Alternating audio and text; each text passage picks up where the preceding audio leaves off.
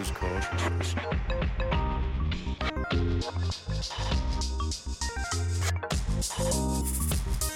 Try it. Let's give it a crack. Higher performance, higher performance. The computer tech.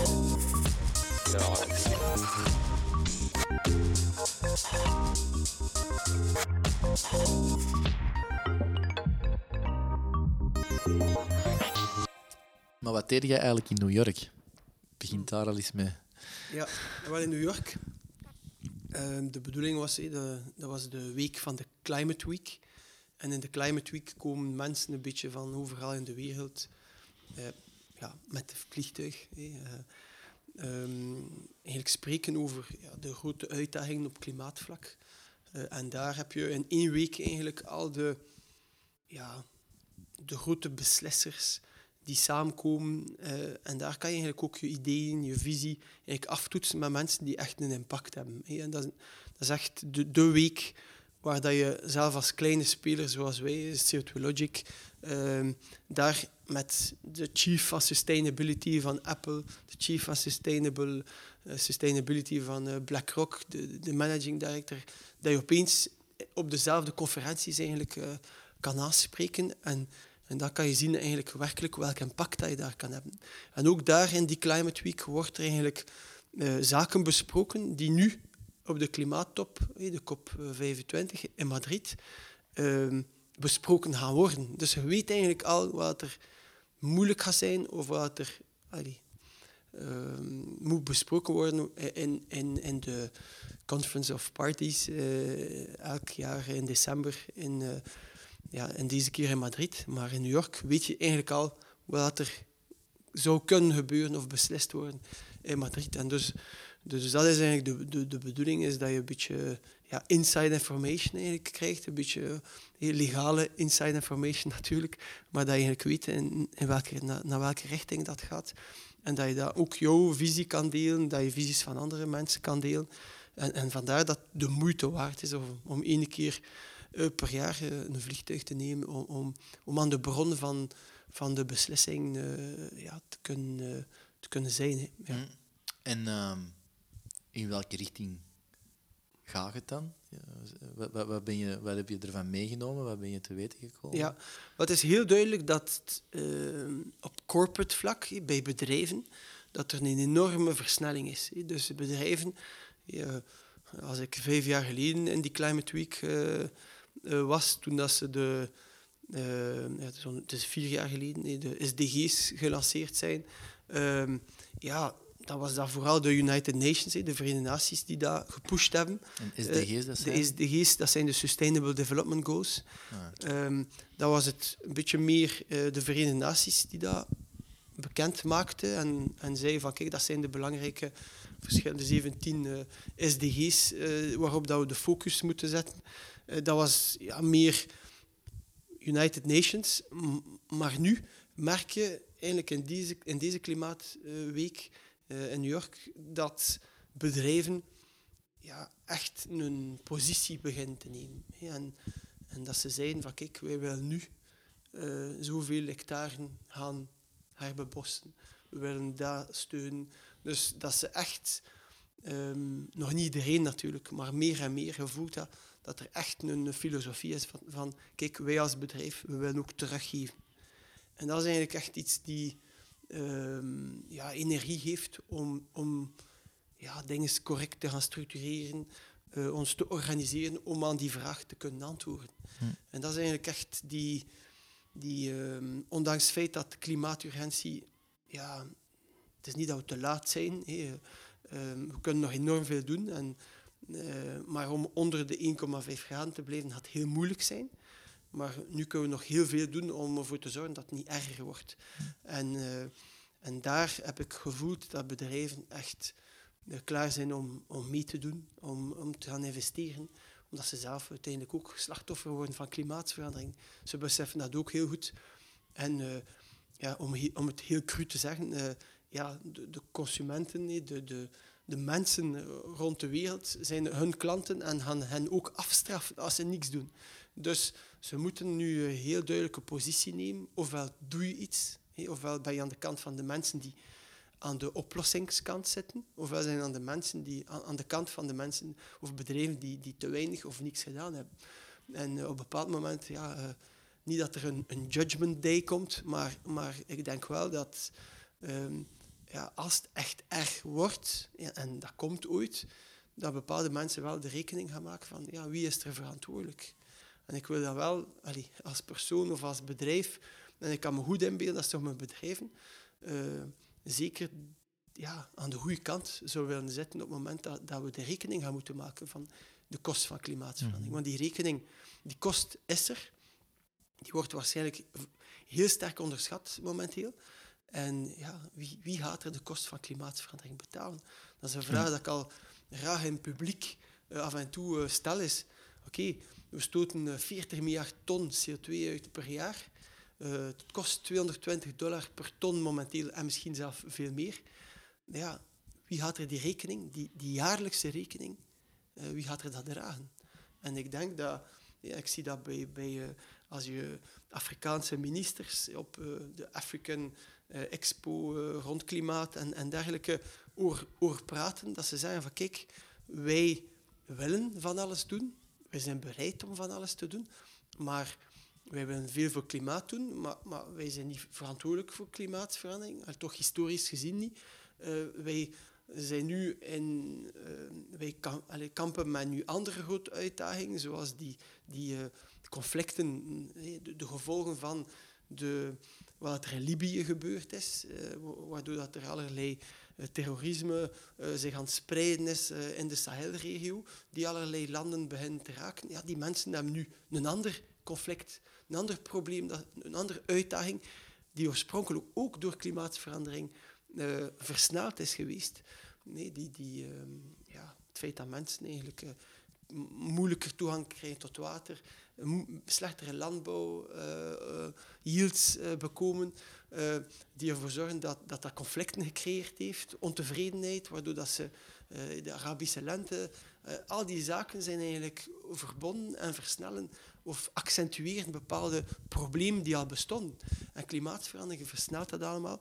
En dus in Afrika merk je dat, dat ze ja, zeggen, wij willen wel meedoen, maar kijk, wij zijn nu al slachtoffer van klimaatverandering. En, en ehm, ja, eh, wie gaat ons helpen? Mhm. Ehm, twee follow-up questions. Ehm, je zegt op een gegeven moment 22 dollar per ton. 200, 220. 220 dollar per ton CO2 eh, is de kost. En wie Ja. gaat dat betalen? Ja. Wat moet ik daar... Van waar komt die kost? Wel, dat, is een soort, dat zijn studies.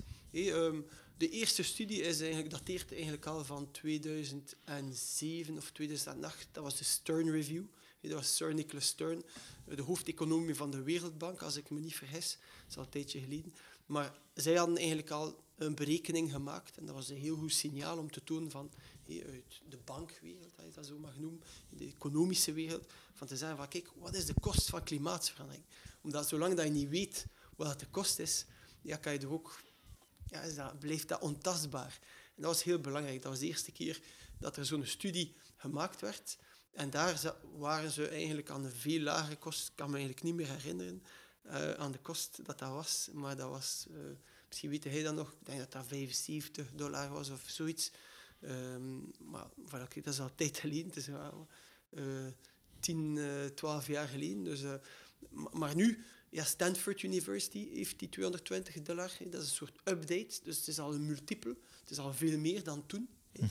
Ehm, en nu Nature heeft een andere studie eh, gepubliceerd, eh, denk ik vorig jaar, waar dat ze aan 400 dollar per ton zaten. Dus hoe langer dat je wacht, hoe hoger de kost van klimaatverandering. Wat dat eigenlijk ook de conclusie was van de studie van eh, Sir Nicholas Stern van de Wereldbank. Ehm, die, die zei van, kijk, hoe langer maar wacht, ja, hoe duurder dat gaat zijn. Dus, dus dat, is eigenlijk, dat was eigenlijk de, de, de hoofdconclusie van, van zijn studie. Is eigenlijk, we moeten, hoe sneller je maar reageert, hoe goedkoper dat gaat zijn voor de maatschappij om klimaatverandering te zit de kost dan in het opvangen van de gevolgen van die een ton CO2 in de lucht? Of Dus de kost van de gevolgen eigenlijk, de kost van overstroming die gelinkt zijn aan eh, klimaatsverandering, klimaatsontregeling vooral, eh, biodiver- biodiversiteitsverlies, ehm, eh, het feit dat landbouw minder, eh, minder eh, efficiënt gaat zijn, moeilijker, eh, dat de yields, eh, de, de inkomsten van landbouw minder...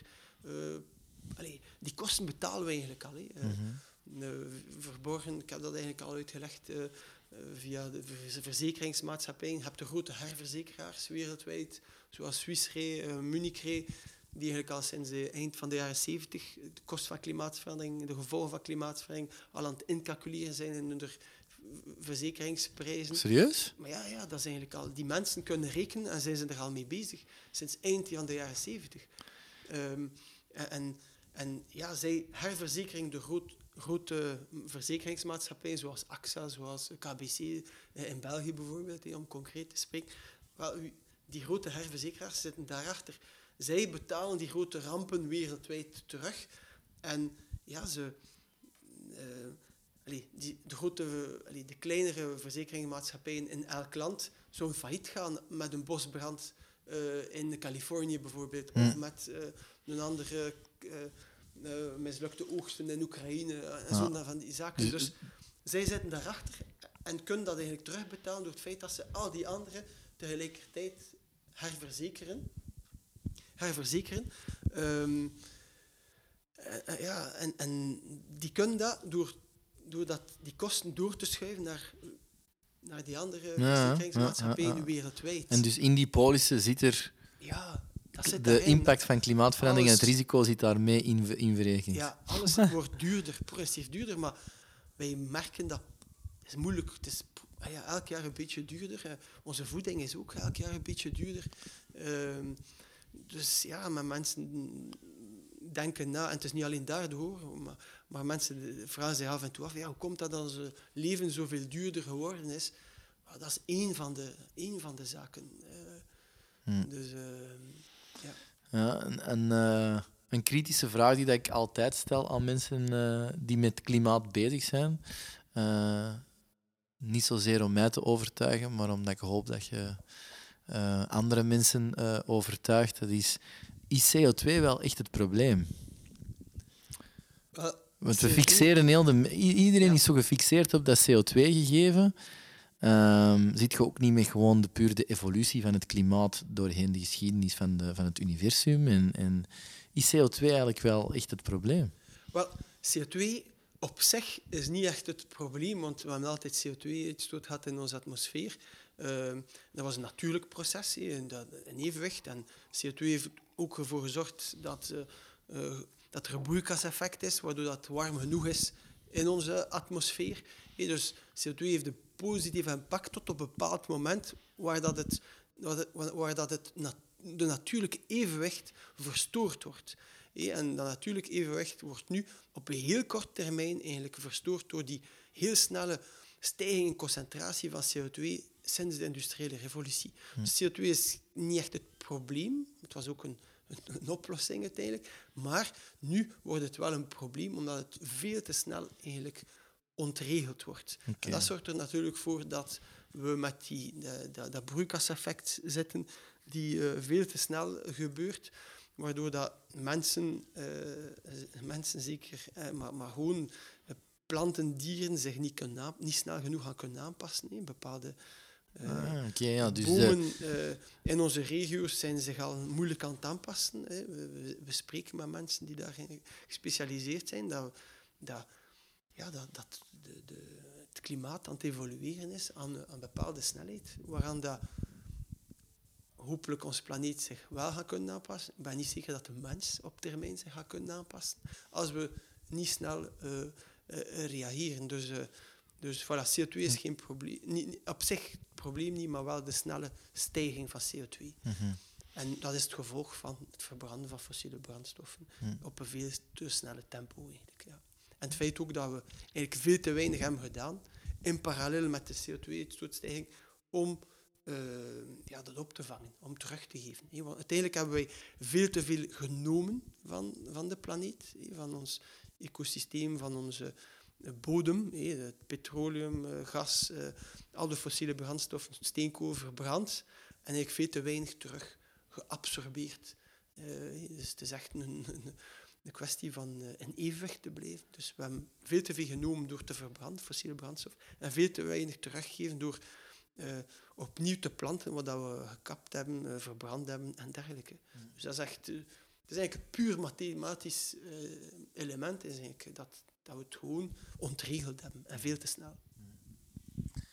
Oké, ehm, heel duidelijk. Tweede follow-up question was: ehm, Is er iemand specifiek dat je in de Climate Week in New York hebt gesproken die een diepe impact op u heeft gemaakt? Die u echt heeft aangeraakt?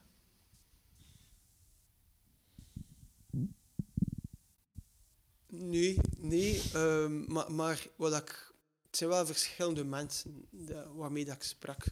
Bijvoorbeeld de, de, de, de managing director van BlackRock. Hey, eh, ja, dat is een van de grootste investeringsfunds ja, funds, eh, die er eh, wereldwijd rondloopt. En zij hadden een brief geschreven, een tijdje geleden al, die zei van kijk, eh, wij gaan onze verantwoordelijkheid beginnen nemen, we gaan disinvesteren van al wat niet, allee, al wat dat een negatieve impact heeft op het klimaat, maar ook op andere zaken, zoals biodiversiteit en dergelijke. Eh, ik herinner me de exacte details niet meer van de brief, maar ik heb die brief eh, in detail gelezen. En hij zegt, eh, kijk, we gaan echt niks niet meer steunen die, die, die nefast is voor onze planeet. En we nodigen ook uit, één, alle bedrijven die deze brief gaan lezen, om daar rekening mee te houden. En ook alle andere mensen in, in de financiële wereld om hetzelfde te doen. Omdat we dan met de, met de financiële wereld eigenlijk een enorm drukkingsmiddel hebben om te zeggen van kijk, als je niet aan bepaalde criteria beantwoordt, dan ga je geen geld niet meer vinden. Je gaat altijd geld vinden, maar niet, niet, niet de grote ve- vehikels gaan daarachter zitten. Dus dat is wel een heel mooi signaal, omdat we altijd, veel mensen hebben altijd de financiële wereld als een beetje eh, de, de, een donkere wereld gezien, eh, eh, die, die inderdaad petroleumontginning eh, eh, ehm, hebben gefinancierd, de wapenindustrie gefinancierd, al die zaken eigenlijk. Maar, maar zij maken echt deel uit, uit de oplossing. Want als zij dat, als we ze ook op diezelfde lijn krijgen van kijk, we moeten op lang termijn denken, ja, dat je eigenlijk, Hmm, ja, eigenlijk de, de hele Heel logisch.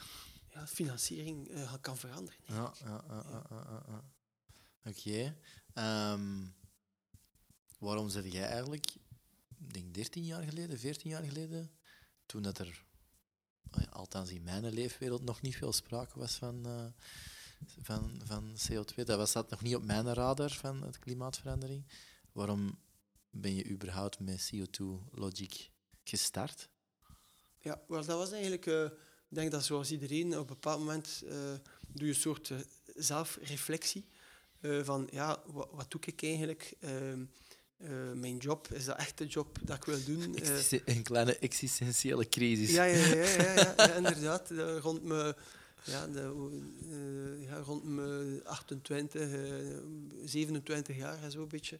Eh, zelf, ja, dat ik zeg, ja, ik heb nu een aantal jaar gewerkt. ja, heb ik, heb ik iets gecreëerd. En eigenlijk, dat, dat, was, dat was een kruising van verschillende zaken. Hè. Ik heb het geluk gehad om, heel vroeg... eh, mijn grootvader was eh, minister ehm, en ook eh, ondernemer. Ehm, hij was in de bosbouw. Hij had veel verschillende bossen in, in, in Wallonië, maar ook in, Frankrijk, waar ik regelmatig meeging.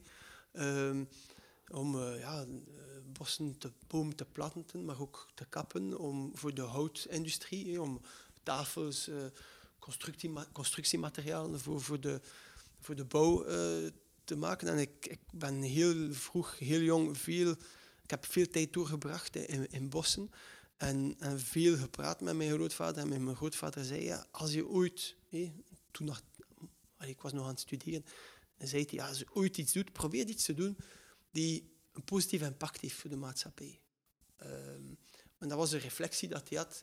Dat was nadat hij minister geweest is, verschillende keren, en nadat hij zijn, zijn bedrijf ook verkocht had, ehm, heeft hij gezegd, ja, want uiteindelijk als je iets doet, probeer iets te doen die een betekenis heeft. Want allee, kan geld verdienen, is, is oké, natuurlijk, je moet je, je, familie kunnen onderhouden, je kunt van alles doen, maar als je echt eh, op lang termijn iets wil doen, dan moet je de, de, de goede mix vinden tussen een- iets dat je graag doet, een passie, en dan ook proberen iets daarmee te verdienen natuurlijk. En als, als je een job vindt die die, die zaken kruist, dan kan je eigenlijk echt eh, iets creëren die één impact heeft, maar ook iets dat je graag doet en, en dat je lang kan doen.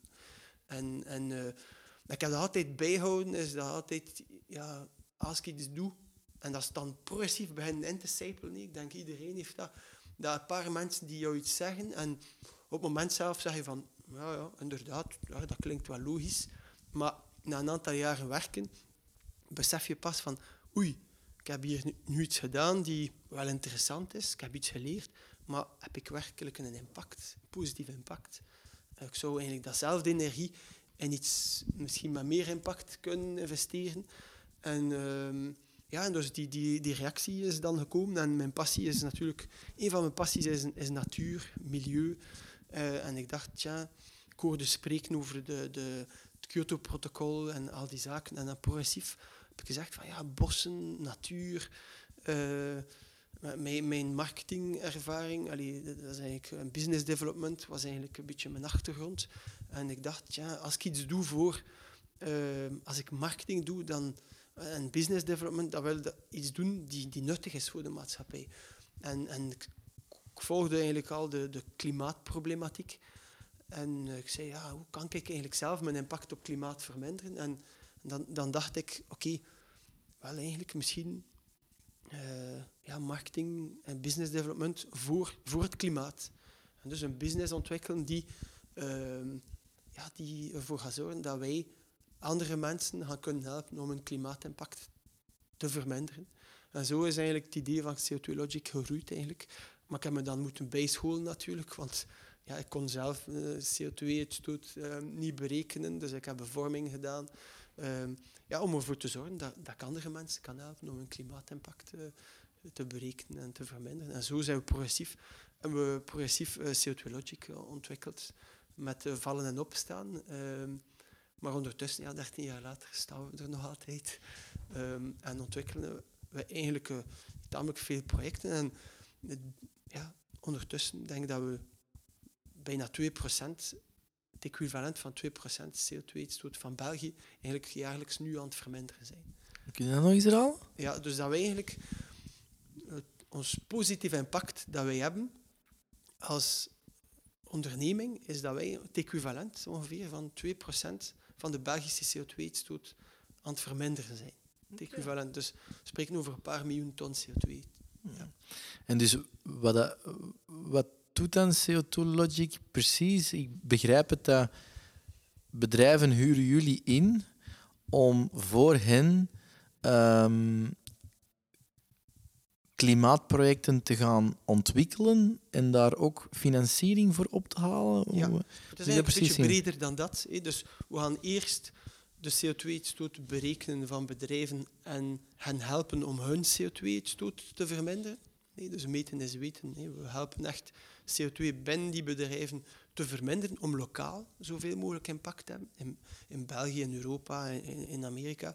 Ehm, en daarna, wat ze eventueel niet kunnen verminderen, dan gaan we eigenlijk hen een bijdrage vragen in lijn met hun klimaatimpact, om via klimaatprojecten eigenlijk het equivalent van hun niet reduceerbare CO2-uitstoot via die klimaatprojecten eigenlijk te gaan verminderen.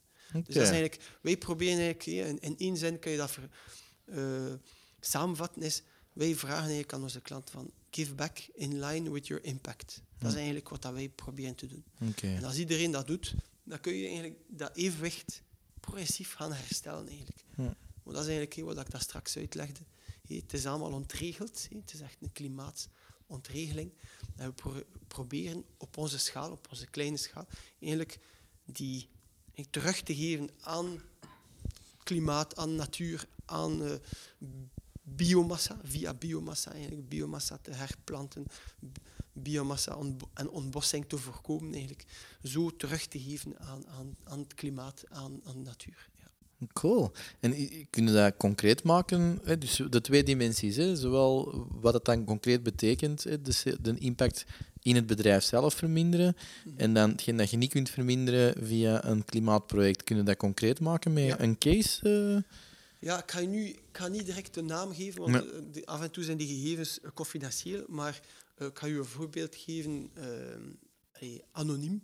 Hé, als een bedrijf bijvoorbeeld eh, oh, 10.000 ton CO2-uitstoot per jaar tot nu toe. Wij gaan daar bij, de- bij dat bedrijf, gaan dat bedrijf bijvoorbeeld zijn CO2-uitstoot over een aantal jaar met 50% verminderen. Hé, dus van 10.000 naar 5.000 Door wat te doen? Door door allerlei acties te ondernemen. Het licht, zoals, het licht eh, vroeger uit doen? Of? ja, je hebt natuurlijk één eh, gedrag. Dus als ze een CO2-uitstoot kennen en weten van waar dat, dat komt, dan kan je eigenlijk... Je communiceert dat intern. We geven vaak presentaties binnen bedrijven om te zeggen van kijk, vandaar komen jullie belangrijkste CO2-uitstootbronnen vandaan. Ehm, dan weten mensen ook van waar dat, dat komt en kun je ze eigenlijk ook responsabiliseren. Dan kan je ze ook eigenlijk... Dat wordt... Allee, de, de, dan worden de werknemers, de collega's eigenlijk allemaal eh, partners om CO2-uitstoot te verminderen, omdat ze exact weten van waar dat, dat komt en weten ook van waar dat hun, ehm, ja, wat dan hun verantwoordelijkheid kan zijn binnen het bedrijf om daar iets aan te doen. Dus dat is eigenlijk echt ehm, een eye-opener als je zo'n carbon footprint doet. Eh, want elk bedrijf weet dan van, ah, komt het van onze verwarming, komt het van onze elektriciteit, komt het van onze eh, vloot, eh, onze logistiek, onze, eh, de grondstoffen dat wij kopen, komt het van onze afval, komt het van ons end of life en, en, of gebruik van onze producten of diensten en dergelijke. En als een bedrijf dat overzicht heeft, kan ze eigenlijk ervoor zorgen dat mensen intern participeren om die CO2-uitstoot te verminderen. Door gedrag. Gedrag is, kan een groot deel zijn al. Eh, en dan heb je natuurlijk eh, investeringen, eh, zoals investeren in zonnecellen, in, in, in isolatie, in energieefficiëntie, in elektrische vloten, in decentralisatie van eh, logistiek, van productie. eh allee, dat kan heel veel verschillende eh, vormen innemen in functie van de industrie waarin dat je bent. En ehm, ja, dat kan inderdaad in sommige bedrijven eh, in een aantal jaar ja, zijn er verminderingen van 50, 60, 70 procent. En dan op een bepaald moment kom je natuurlijk aan een, aan een soort plafond. Je, kan niet alles eh, naar nul direct verminderen. Dat kan, je kan, een bedrijf kan afhankelijk zijn van een locatie, waar dat ze bijvoorbeeld geen zonnecellen op hun dak kunnen zetten, omdat ze in de schaduw zitten van iets anders. Dus die dak kunnen ze niet gebruiken. Eh, dus ze kunnen niet altijd tot nul gaan. Sommige mensen eh, zijn, kunnen een kantoor niet aan een, aan een station zetten, omdat ze ja, meer in een, eh, in een zoning, industriële zoning zitten, waardoor dat, ja, dat niet dicht van een station zijn. Dus veel mensen moeten toch met de auto komen. Dus ja, dat is vaak het probleem. Niet iedereen kan morgen in één keer naar nul gaan, maar we helpen ze om zo ver mogelijk te gaan. En wat dan niet verminderd kan worden, die overblijvende CO2-uitstoot, aangezien dat het een kost heeft voor de maatschappij, zeggen wij, kijk, uw overblijvende CO2 overblijvende CO2-uitstoot is uw verantwoordelijkheid.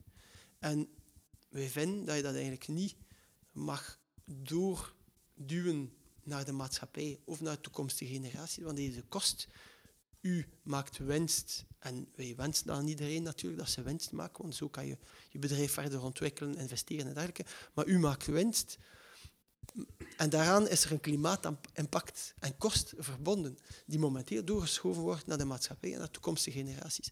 Wij vinden, en daar is de, het belang en het interessante aspect van CO2-neutraliteit, is wij vinden dat, en wij proberen het bedrijf te overtuigen dat ze dat ook vinden, kijk, uw klimaatimpact, uw overblijvende CO2-uitstoot is uw verantwoordelijkheid en wij nodigen hen uit om die bijvoorbeeld in, in dat geval 5000 ton dat ze niet kunnen verminderen, eigenlijk een klimaatproject te financieren die ergens anders 5000 ton gaat verminderen, die, die niet zou mogelijk zijn zonder hun financiering. Dus ze hebben iets mogelijk gemaakt die anders niet zou gebeuren en zo heb je iets additioneel gemaakt.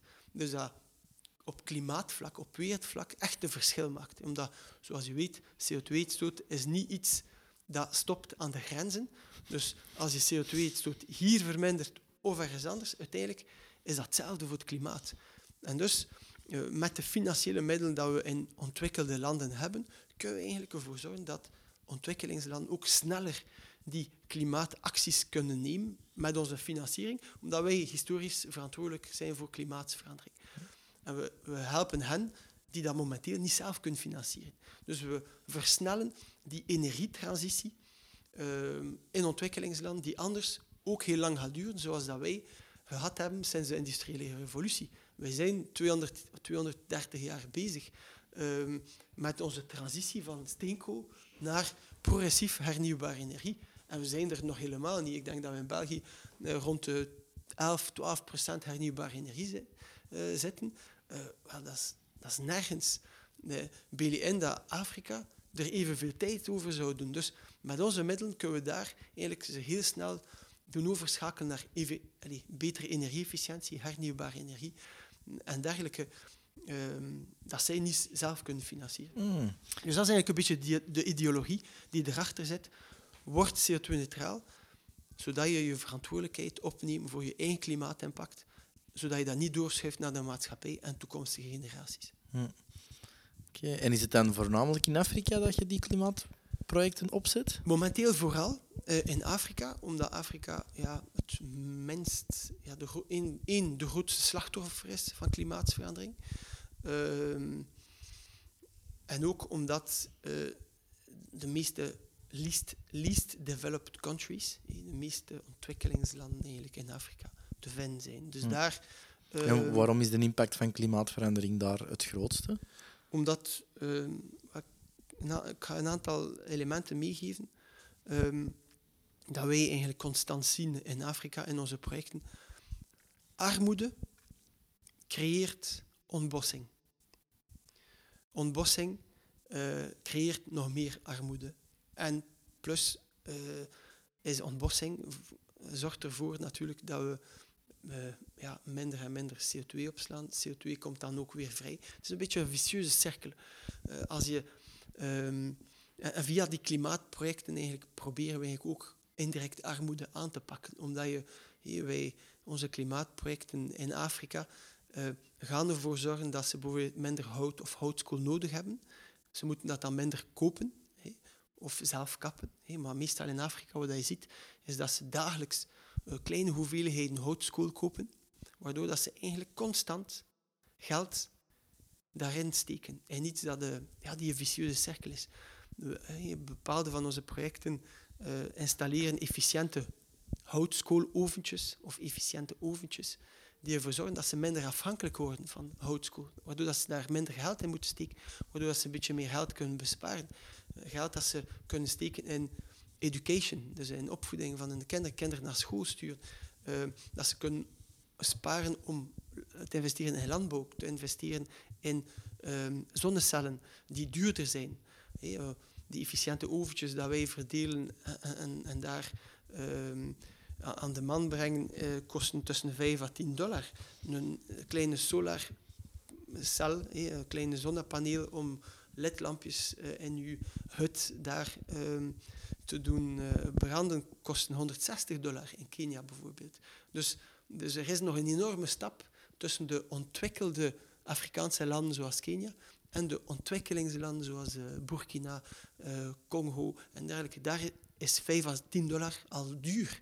Dus door ze daar geld progressief te doen besparen, kunnen we ze progressief brengen naar die duurzamere uh, solarsystemen die de toekomst van Afrika zijn. Dat is die decentralisatie van energieproductie. Hmm. En ook onafhankelijk worden van petroleum, want momenteel gebruiken ze vooral petroleumbelampjes uh, om zich te verlichten s'avonds, om uh, de mogelijkheid aan de kinderen te geven om te lezen en dergelijke. Wel, alles is eigenlijk verbonden met elkaar. En dat is eigenlijk wat we proberen te doen via onze klimaatprojecten, is niet alleen het klimaatprobleem aan te pakken daar lokaal, door CO2-uitstoot te voorkomen of op te slaan, maar ook allerlei uh, consequenties van klimaatverandering of um, um, ze noemen dat in het Frans, eh, activité génératrice de revenu. Eh, dat zijn eigenlijk uh, ervoor zorgen dat ze activiteiten kunnen uh, ontwikkelen daar uh, met onze klimaatprojecten die inkomsten genereren. Om mensen uit de armoede te, te doen komen, zodat ze hun rijkdom niet moeten plunderen en kappen en verkopen aan China of andere landen die eigenlijk teren op, uh, op, uh, op Afrika. En Dus, ja. jij nu er straks dat de conflicten in Libië en Syrië dat dat gelinkt is aan klimaatverandering?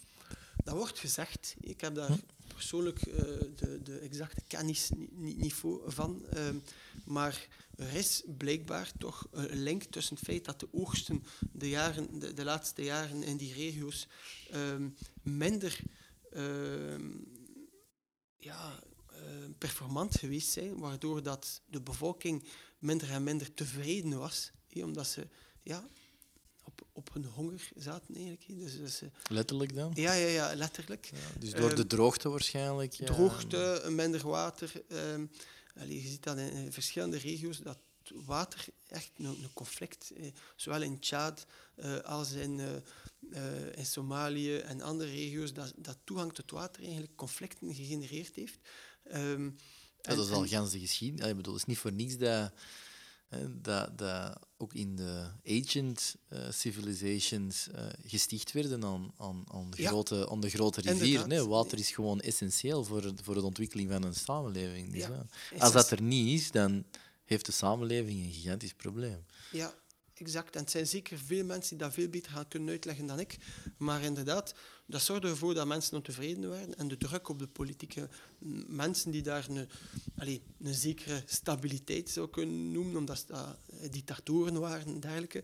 Ehm, maar die ook bepaalde terrorisme konden onderdrukken. Ehm, maar, maar bon, die terrorisme, ik ben geen terrorisme-expert, maar, maar ehm, ja, dat is, dat is door ontevredenheid, waardoor dat mensen ja, gemakkelijker beïnvloedbaar worden en, en eh, ja, geen, geen oplossing vinden en dan eh, ja, gemakkelijker geradicaliseerd worden door Ja, en dat escaleert dan. En dat escaleert ja. progressief. Mensen die, die geen uitweg vinden en, en geen toekomst zien, ja, zijn gemakkelijker te radicaliseren dan mensen die, die, die geloven in de toekomst, die, die, die, die, eh, ja, die, die in hun kinderen een toekomst zien voor hun kinderen en dergelijke. De- Mhm. dus, en dat is eigenlijk ja, wat er gebeurd is. eh, Mhm. En die mensen maken daar gebruik van. Zot, hè? ja. Terug naar CO2 Logic. Ehm, kun je een concreet voorbeeld geven van een ontwikkelingsproject dat je momenteel in Afrika aan het doen bent? We zijn er eh, ja, verschillende. we hebben projecten in Burkina Faso, in Benin, in Congo, in Rwanda, in Oeganda en in Kenia. Ehm, en ehm, ja, sommige zijn vooral ontbossing voorkomen, andere zijn herbebossing, sommige zijn eh, waterputten eh, restaureren om toegang te geven tot proper water. Want als ze geen toegang hebben tot proper water, moeten ze dat water uit eh, ja, rivieren, beken, allee, gelijkwaar halen, wa- waardoor dat ze opnieuw moeten koken. Als je water moet koken, ja, dan heb je hout of houtskool nodig om dat te branden, allee, om dat te koken. Dus, eh, Alles is dus verbonden. alles is eigenlijk verbonden. En, en dus jullie klant maakt een deel van zijn winst vrij om in een project te investeren. ja, Welk, project te steunen of een project te steunen. ja, ja. En welke rol speelt CO2 Logic daar dan in? Ja. Jullie, jullie maken een selectie van een project, jullie doen het project. Eh. Hoe moet ik dat zien? Het is eigenlijk ehm, ja, tamelijk eh, breed. Wij eh, werken eigenlijk in al die landen dat ik dat straks eh, vermeld heb in, in Afrika met lokale NGO's, altijd met lokale partners, omdat ja, zij doen het uiteindelijk. Dus die mensen hebben meestal al, al een activiteit. Dat zijn heel competente mensen, omdat we dat... we merken dat heel snel, want wij vragen gegevens. Als we die gegevens niet krijgen, ja, dan weten we dat dat moeilijk gaat zijn om samen te werken. Want ja, alles moet meetbaar zijn, omdat wij garanties moeten kunnen geven aan bedrijven. Als ze 5000 ton willen compenseren, dan moeten wij dat ook kunnen aanbieden. En dus we moeten eigenlijk dat impact eigenlijk, ehm, ja, echt traceerbaar maken. Ehm, dus we werken met lokale NGO's die, dat we begeleiden om de juiste cijfers te eh, verzamelen, eh, zodat dat in een bepaalde kader past, zodat die projecten gecertificeerd kunnen worden, zodat we hen garantie kunnen geven tot financiering, dat ze toegang krijgen tot financiering, recurrente financiering. Als een project gecertificeerd is, een klimaatproject gecertificeerd is, dan kunnen ze recurrent financiering krijgen voor het project als ze het project blijven onderhouden. Ze noemen dat eigenlijk in het Engels result-based finance. Ja, dus- dat is eigenlijk de toekomst van ontwikkeling, samenwerking. Ja, dus in, in a way zijn die, jullie selecteren een NGO die bijvoorbeeld rond ontbossing aan het werken is in, eh, in Kenia. Ehm, en in a way wordt dat eigenlijk ook een klant van jullie. Doordat jullie die gaan ondersteunen, begeleiden, eh, of een partner eigenlijk, en jullie zorgen ervoor dat, dat het werk dat die doen, dat dat gecertificeerd geraakt, dat ze resultaten kunnen aantonen, waardoor dat die naast jullie originele klant die dat daarin eh, investeert, ook nog andere financieringen kan aantrekken en beter financiering kan aantrekken. Ja, inderdaad. Wij worden echt partners van die lokale NGO's. En allee, ik zie dat elk jaar als we teruggaan naar die NGO's met wie dat we samenwerken. Hey, eh, in Benin is dat Eco Benin, in, eh, in eh, Burkina is dat Tipalga, eh, in eh, Congo is dat WWF eh, en, en nog andere eh, partners dat ik in de toekomst zeker heel graag ga vermelden. Maar maar ja, je ziet dat echt partners worden. En dat dat heel leuk is. Eh, Je, je- je bouwt een relatie op. Ja, is dat leuk we zijn afhankelijk van elkaar. Ja. We zijn afhankelijk van elkaar en we zien dat we, we doen dan, we gaan dan in verschillende dorpen gaan kijken van kijk hier, ziet, dat is het effect. En we spreken dan met de lokale bevolking. Ja, hoe, hoe, heeft- hoe hebben die efficient cookstoves bijvoorbeeld uw, uw leven verbeterd? Ehm, ja, hoe- hoeveel besparen jullie per jaar? Wel- Welke inkomsten? En dan krijgen we live feedback van die mensen. En, en daar doe je het voor uiteindelijk. Je ziet die mensen die, die echt ja, in de miserie zitten en progressief ehm, daar, daaruit kunnen raken door zelf een activiteit eh, op te bouwen. Want uiteindelijk, wij creëren een kader en recurrente financiering als ze die activiteiten bouwen en blijven onderhouden. Dus zij zijn eigenlijk de acteur.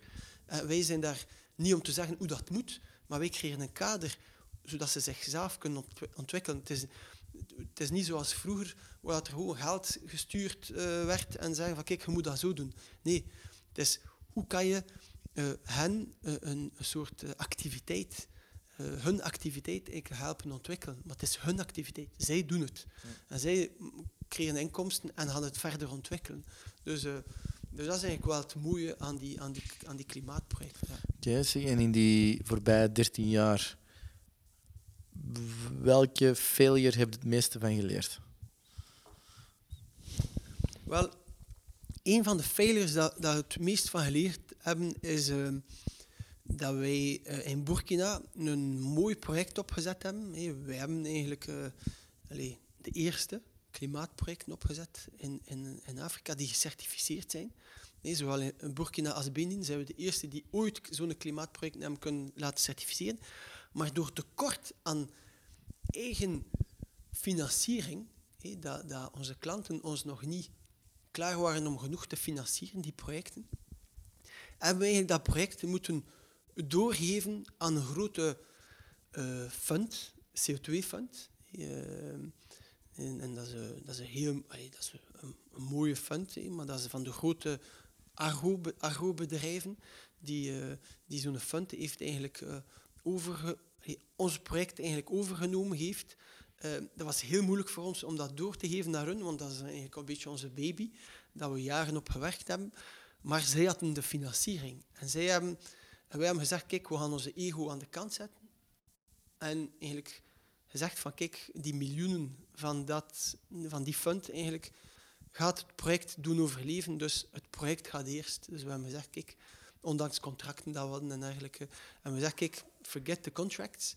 Ehm, het belangrijkste is de duurzaamheid, de pereniteit van dat klimaatproject en van die lokale bevolking. We gaan dat laten financieren door, door die, die mensen eh, van, die, van die fund. En dat is eigenlijk een beetje een, een, een, een, les dat wij geleerd hebben. We moeten eigenlijk ehm, ja, serieuze financiering gaan opzoeken. Niet meer eh, allerlei van kleine dingetjes doen. Eh, dat hoort er ook natuurlijk bij. Maar we moeten onze energie, want je steekt dezelfde energie in grote financiering en als in kleine financiering. Eigenlijk eh, ervoor zorgen dat we contracten hebben met klanten voor 10 jaar, 15 jaar minimum. Zo, Zodat je garanties biedt voor de lokale bevolking. Dat je die recurrente inkomsten kan Dus, garanderen. dus een contract met een bepaald bedrijf dat zegt van kijk, ik ga jaarlijks Ja. zoveel procent van mijn winst eh, daarin steken en dat is ongeveer zoveel. Over wat voor bedragen spreken we dan? Dat varieert echt in functie van het type klimaatproject. Je hebt Hm. kleine klimaatprojecten, je hebt grote klimaatprojecten. Dat kan van 50.000 euro per jaar naar eh, eh, ja, een miljoen per jaar. Eh, in functie van eh, de, de, de type projecten. Eh, ja, ja. Cool, cool. Ehm, integreerde je eigenlijk eh, dat duurzaam ondernemerschap in je eigen leven als ondernemer? Ja, dat is, een, dat is een leuke vraag.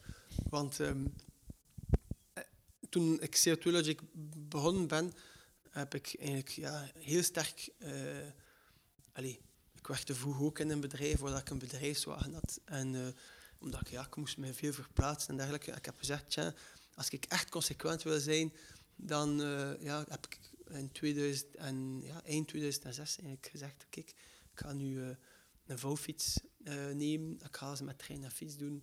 Whatever it takes in de winter, in de zomer. eh, ehm, en dat was eigenlijk wel heel leuk ervaring. In de, in de eerste twee maanden ben ik vier kilo kwijt. Niet dat ik dat nodig had, maar eh, ehm, ja, ik probeer heel consequent te zijn in, wat dat we doen. Het kan niet perfect zijn. Ik, ik moet ook af en toe het vliegtuig nemen om naar Afrika te gaan. Om bijvoorbeeld een keer per jaar naar New York te gaan. Dus eh, eh, voilà, ik probeer om dat zo, zo, zo ver mogelijk te doen, ehm, om coherent te zijn. Ehm, wat wel leuk is, is eh, progressief eh, je entourage. In het begin ja, waren ze aan het lachen hé, met het feit, ja, ah, ben je weer met de fiets gekomen? Ik zeg, ja, inderdaad. eh. Maar kon natuurlijk niet altijd met de fiets komen. Als je met je vrouw eh, s'avonds een keer naar een concert wil gaan of naar een diner bij vrienden ergens, kan je natuurlijk niet altijd met de fiets. Ik wil dat ook niet opleggen aan andere mensen. Ik wil dat niet verplichten. Mijn vrouw mag geen slachtoffer worden van mijn overtuiging. En dus zo'n zaken probeer je eigenlijk eh, progressief mensen op een positieve manier te beïnvloeden. Ehm, heel veel vrienden in eh, mijn omgeving hebben, eh, zijn overschakeld naar plooifietsen of, of gedeeltelijk. ehm, of naar elektrische wagens. Die hadden vroeger ja, bepaalde wagens, ik durf het niet zeggen. Maar ja, bedrijfsleiders met wie dat je regelmatig in contact zat, ja, ze zijn overgestapt naar het cleanere alternatief, die, die direct al een groot impact, positief impact kan hebben. Dus, dus dat is heel leuk, is dat je in het begin eh, ja, een beetje de, de nar, de, de clown van de bende was. En dan progressief eh, zeggen ze van eigenlijk, ja, in plaats van naar de, gym te gaan, wel, ik ga toch twee, uur- twee keer per, per week ja, na- naar het bedrijf met de fiets gaan. Het gaat me deugd doen, want ik moet anders naar de gym gaan. Ik betaal daarvoor, terwijl ik elke dag met de fiets zou eh, naar mijn werk gaan. Als het mooi weer is, ja, dan kan ik één mijn impact verminderen en betere gezondheid zijn. Eh, er zijn zoveel voordelen die eraan verbonden zijn. Maar dus alle collega's bij ons krijgen geen bedrijfswagen, ze krijgen een plooifiets. En ze trekken hun plan. Wij betalen alle verplaatsing natuurlijk met openbaar vervoer. En af en toe, ja, als ze echt een keer een wagen nodig hebben, dan heb je deelauto's, eh, hebt eh, steps, hebt scooters, elektrische scooters dat je kan huren vandaag. Het is allemaal heel snel aan het evo- evolueren. mm. Het is leuk ook om te doen. Absoluut. Eh, dat is rond mobiliteit. Zijn er nog eh, waar dat ik even bij mezelf scan Mhm. eh, en zeg van oké, check, hè, daar, eh, daar ben ik volledig mee mee. Zijn er nog andere dingen dat ik, eh, dat, dat, ik bijvoorbeeld als ondernemer kan mee verwerken in... Ja, ja ik, ga- ik gaf dat als voorbeeld bij ons. hè. Wij zijn eh, een dienstenbedrijf, dus het grootste impact is meestal mobiliteit. eh, Omdat wij eigenlijk niks produceren. eh, dus het grootste impact hebben voor dienstenbedrijven is meestal de verplaatsing. Ehm, maar ja, persoonlijk, ja, zoals veel mensen in zonnecellen geïnvesteerd, in elektrische wagen, eh, om zo, zo autonoom mogelijk te zijn dat, dat ik niet meer moet gaan tanken. eh. Ehm, eh, maar, maar inderdaad, dan, eh, voor mensen, voor andere bedrijven, ja, voeding is natuurlijk, landbouw is een heel groot impact. Eh, inderdaad, vroeger was er, in het begin toen dat wij begonnen, eh, eh, 13 jaar geleden, was er donderdag veg- veggie-dag. Nu is het meer, allee, je hebt nat- natuurlijk mensen die echt helemaal vegan kunnen worden en dergelijke. Maar nu is de tendens meer eh, donderdag vleesdag bijna. hè, en de rest veggie, dat is eigenlijk een hele omschakeling die gelukkig progressief overal aan het, aan het gebeuren is.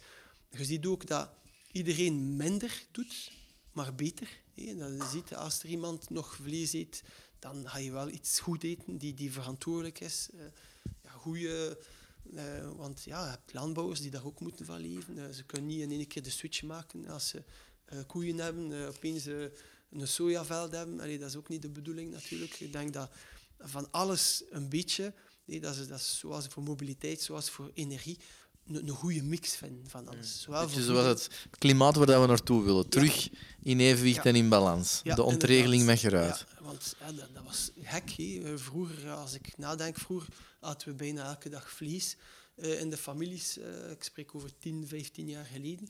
Eh, en één dag eh, vis misschien eh, de, de vrijdag bij de christelijke families, als je dat zo mag noemen. Ehm, eh, maar maar dat, dat, was, ja, dat was overdreven. Maar dat was het, het, statussymbool uiteindelijk. dus, dat is in de, na de oorlog waarschijnlijk zo gegroeid. ehm, dat we vroeger ja, veel groenten en patatjes hadden en zo'n dingen, omdat we ja, uit, eh, ja, een beetje uit de armoede van na de oorlog eh, moesten opletten. En statussymbool, meer van alles, dat dat zo gegroeid is. En nu, progressief, mensen beginnen te beseffen dat dat zo niet langer verder kan. En dat we eigenlijk progressief eh, opnieuw een ommekeer, niet, niet, niet naar status, maar eigenlijk kijken van ja, wat is er eigenlijk eh, verantwoordelijk? Wat is er verantwoordelijk vandaag? En inderdaad, ehm, zo weinig mogelijk vlees, maar, maar beter, gezonder. Want ja, de helft in, in, in ons vlees dat we vroeger kochten, eh, was water waarschijnlijk, antibiotica, hormonen en zo'n zaken. En ja, dat was, dat was gek. Eh, nou, waar, waar gaan we naartoe? Eh, als de helft van je, wat dat je... Voilà, maar bon, mensen... Mobiliteit, mobiliteit Voeding. voeding, ja, dat zijn twee, twee dat domeinen. zijn twee heel, heel concrete zaken dat je morgen direct kan doen. Ja. Ehm, en dan energie. Dat is af en toe vaak structureler. Dan moet je dan zonnecellen installeren. Je kan natuurlijk je groene stroomcontract direct, als je zelf geen zonnecellen zet, je stroom, groene stroomcontract tekenen, zodat je de leveranciers, de, de energie, eh, elektriciteits- en energieleveranciers verplicht om, eh, eigenlijk zet je ze onder druk om, om meer en meer hun energie met, met hernieuwbare energie te voeden. Dus, dus dat is een ander element die, die, die eh, dat is een heel snelle quick win ook. Hè. Eh, dus, eh, maar er zijn veel, nog veel, zeker veel andere zaken dat je kan doen. Ehm, ja, afval voorkomen, plastic min- verminderen. Ehm, ja, er zijn zoveel zaken. Eh, er zijn genoeg websites vandaag waar dat je zet Oh, dat is- 10 van de acties dat je kan doen. Ja, goed dat je dat, je- zo om richting afronding van het gesprek te gaan. Zijn er, zijn er bepaald, in, in, in heel uw topic, in heel uw domein, zijn er bepaalde boeken, bepaalde documentaires, waar je van zegt, als er nu één boek is of één documentaire, dan moeten die het toch wel eens echt zien of lezen. Ja, er zijn zoveel, allee, ja, eh, je hebt zoveel boeken die interessant zijn vandaag. Maar ik denk dat je, dat je vooral, want ehm, je, je, een top 10 van acties dat je zelf kan toepassen eigenlijk. Ehm elk persoon moet in functie van zijn locatie, eh, budget, eh, familiesituatie, eigenlijk zijn eigen eh, klimaatplan maken eigenlijk. Ja, en ik denk dat dat, dat, dat echt de, de essentie is. Want je hebt bijvoorbeeld de, de Drawdown, eh, het project die, die eh, top 100 heeft gemaakt, eh, de Drawdown. eh, ehm, die, Wat is dat? Drawdown? ja, ik, ehm, ja, ik ben de naam weer vergeten van die, van die persoon. Misschien weet je hoe dat je drawdown schrijft? Draw. Drawdown, D-R-A-W-D-O-W-N, Drawdown. Drawdown. Ah, draw. Ja, echt. Ik ben hier aan het zoeken op internet. Het meest veelomvattende plan ooit om klimaatontwrichting te keren. Ja, ik ben de Drawdown. Ja, Drawdown. ehm, van Paul Hawken. Voilà, inderdaad. En hem heeft, heeft Paul Hawken heeft eh, een top 100 gemaakt van de meest impactvolle acties dat je, dat je kan doen. Ik vind dat een heel goede samenvatting uiteindelijk. Eh, natuurlijk, een van de eerste eh, tips is, eh, dat, is dan over koeling, eh, maar dat is minder van toepassing bijvoorbeeld in België. Dat zijn die koelgassen, hebben een enorme klimaatimpact. Maar als je daar dat ik je doorneemt, kan je eigenlijk kijken van wat er het meest aangepast is voor jou als persoon, als bedrijf. En dat dat wel de moeite is om te bekijken. Maar ja, de meeste NGO's hebben een goede top 10 van wat dat je hier lokaal kan doen. Overschakelen naar groene stroomcontract, eh, meer met de fiets eh, rijden, eh, vegetarisch, zoveel mogelijk vegetarisch eten of vegan eten. Ehm, al die zaken zijn eigenlijk, bestaan zoveel quick wins dat je kan doorvoeren. Ik ga ze hier niet nog een keer allee, oplijsten, maar de drawdown vind ik echt een, een heel goede overzicht, omdat dat de mensen, zolang dat je weet dat dat niet specifiek voor België is, maar dat is een globale overzicht, dat dat ook je geest verruimt, omdat heel veel mensen met wie dat wij praten eigenlijk te lokaal kijken, waardoor dat ze ook vaak niet begrijpen wat dat ook dringend moeten doen in ontwikkelingslanden, omdat we allemaal uiteindelijk verbonden zijn met elkaar. En één voorbeeld is ehm, meisjes naar school sturen. En meisjes naar school sturen is eigenlijk een van de beste manieren om te garanderen dat ze een job gaan krijgen. Want in Afrika bijvoorbeeld, heel vaak gaan de meisjes niet naar school, want ze moeten thuis helpen, de moeder helpen, omdat ze moet koken voor veel verschillende kinderen. Eh, ehm, en als je een meisje naar school stuurt, eh, gaat ze een job hebben. En als ze, als ze een job heeft, gaat ze geen acht kinderen hebben in Afrika, maar misschien twee kinderen. En de bevolkingsgroei is ook een probleem. Dus dat zijn allerlei zaken die, die heel interessant zijn. En als je die project Drawdown bekijkt, dan, dan is dat wel een beetje geestverruimend voor mensen die misschien te veel rond de kerk kijken. eigenlijk. Mm, mm, mm, Ja, of eh, of eh, een beetje te nationaal kijken. Eh, en dat is eigenlijk een beetje het probleem dat we vandaag hebben, dat er een stijgende nationalisme is in Europa. En als je dit bekijkt, dan begrijp je een beetje meer de Dat is een, glo- het is een glo- globaal probleem van ons allemaal eigenlijk. Ja. Ja. Ja, inderdaad. Oké, cool. Goed bezig, Antoine. Dat, Ja. zien we wel, eh, ja, dat zien we nog. Impact, passie. Ehm, eh, als je een drie-as impact, je hebt positieve impact. ja, Het is, je bent gepassioneerd bezig en eh, je kunt ervan leven. ja. ja. Dus, nu beginnen we ervan te Het heeft lang geduurd, maar nu beginnen we ervan te leven. en, maar ja, dat is eigenlijk waar dat we naartoe moeten gaan, is in modellen creëren waarbij dat je positief impact kan hebben en een economisch eh, duurzaam model ook kan hebben. En, en eigenlijk, eh, we hebben een maatschappij gecreëerd waarbij dat mensen heel veel betaald werden eh, met een negatieve impact. Ik, ga geen, ik ga geen naam noemen, maar, maar dat is eigenlijk heel vaak zo geweest. En dan heb je heel competente mensen die daar naartoe gingen, want ze, ze willen natuurlijk duurzaamheid garanderen voor hun familie en niet voor de planeet en dergelijke. Eh, wat ik ook natuurlijk begrijp, allee, toch voor de familie. Ehm, maar we moeten een model creëren waarbij dat eigenlijk eh, een heel positieve impact creëert, maar die, die heel rendabel is uiteindelijk. En daar naartoe moeten we gaan, zodat je de, allee, op termijn de brightest people kan aantrekken om onze planeet te redden, want we hebben dat nodig. Mhm. Het gaat niet zo snel opgelost worden. Waar kunnen mensen, bedrijven eh, u vinden, u contacteren? Heel eenvoudig, hè, op eh, co2logic.com. eh, mm, daar ga je alles vinden. En op, we hebben ook een andere platform, eh, Green Tripper, greentripper.org. Dat zijn eigenlijk twee platformen dat wij ontwikkeld hebben. En we hebben eigenlijk ook een ander bedrijf opgericht. Dat is meer naar luchtkwaliteit toe. En dat is Airscan. airscan.org. Oké, dus co2logic.com, airscan.com en greentripper.com. Eh, airscan.org Org, en greentripper.org. Ja, oké. voilà. Oké. Ehm, ik sluit normaal altijd af met de vraag: wie zou jij ehm, uitnodigen om als volgende te gast te zijn in, de, in onze podcast? Maar toen dat we elkaar hebben leren kennen in New York, was er iemand bij u, een Belg, Ah, ja. die een, ehm, Ja. met een heel cool eh, Ja. bistro-concept in New York bezig was. Ja. Ik ben zijn naam even kwijt. Laurent François van eh, Le Botaniste. Ja. Dus, eh, zij zijn eigenlijk met vegan voeding bezig. En ze willen eigenlijk eh, ja, eh, vegan voeding eigenlijk sexy maken, maar ook heel lekker. En dat is inderdaad heel lekker. Ehm, En dat, is, ja, dat zijn mensen met wie dat we al jaren werken om, om de impact van voeding eh, te berekenen, te verminderen. En ook, ja, ze is een CO2-neutraal restaurant. En dat is echt een inspiratie, want uiteindelijk, ehm, met zo'n ehm, concepten, ga je eigenlijk de hele voedingsketen progressief veranderen. Eigenlijk.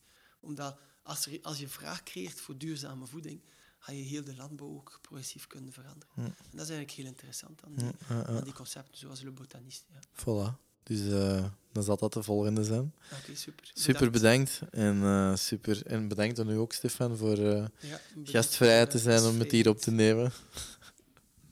Dank u.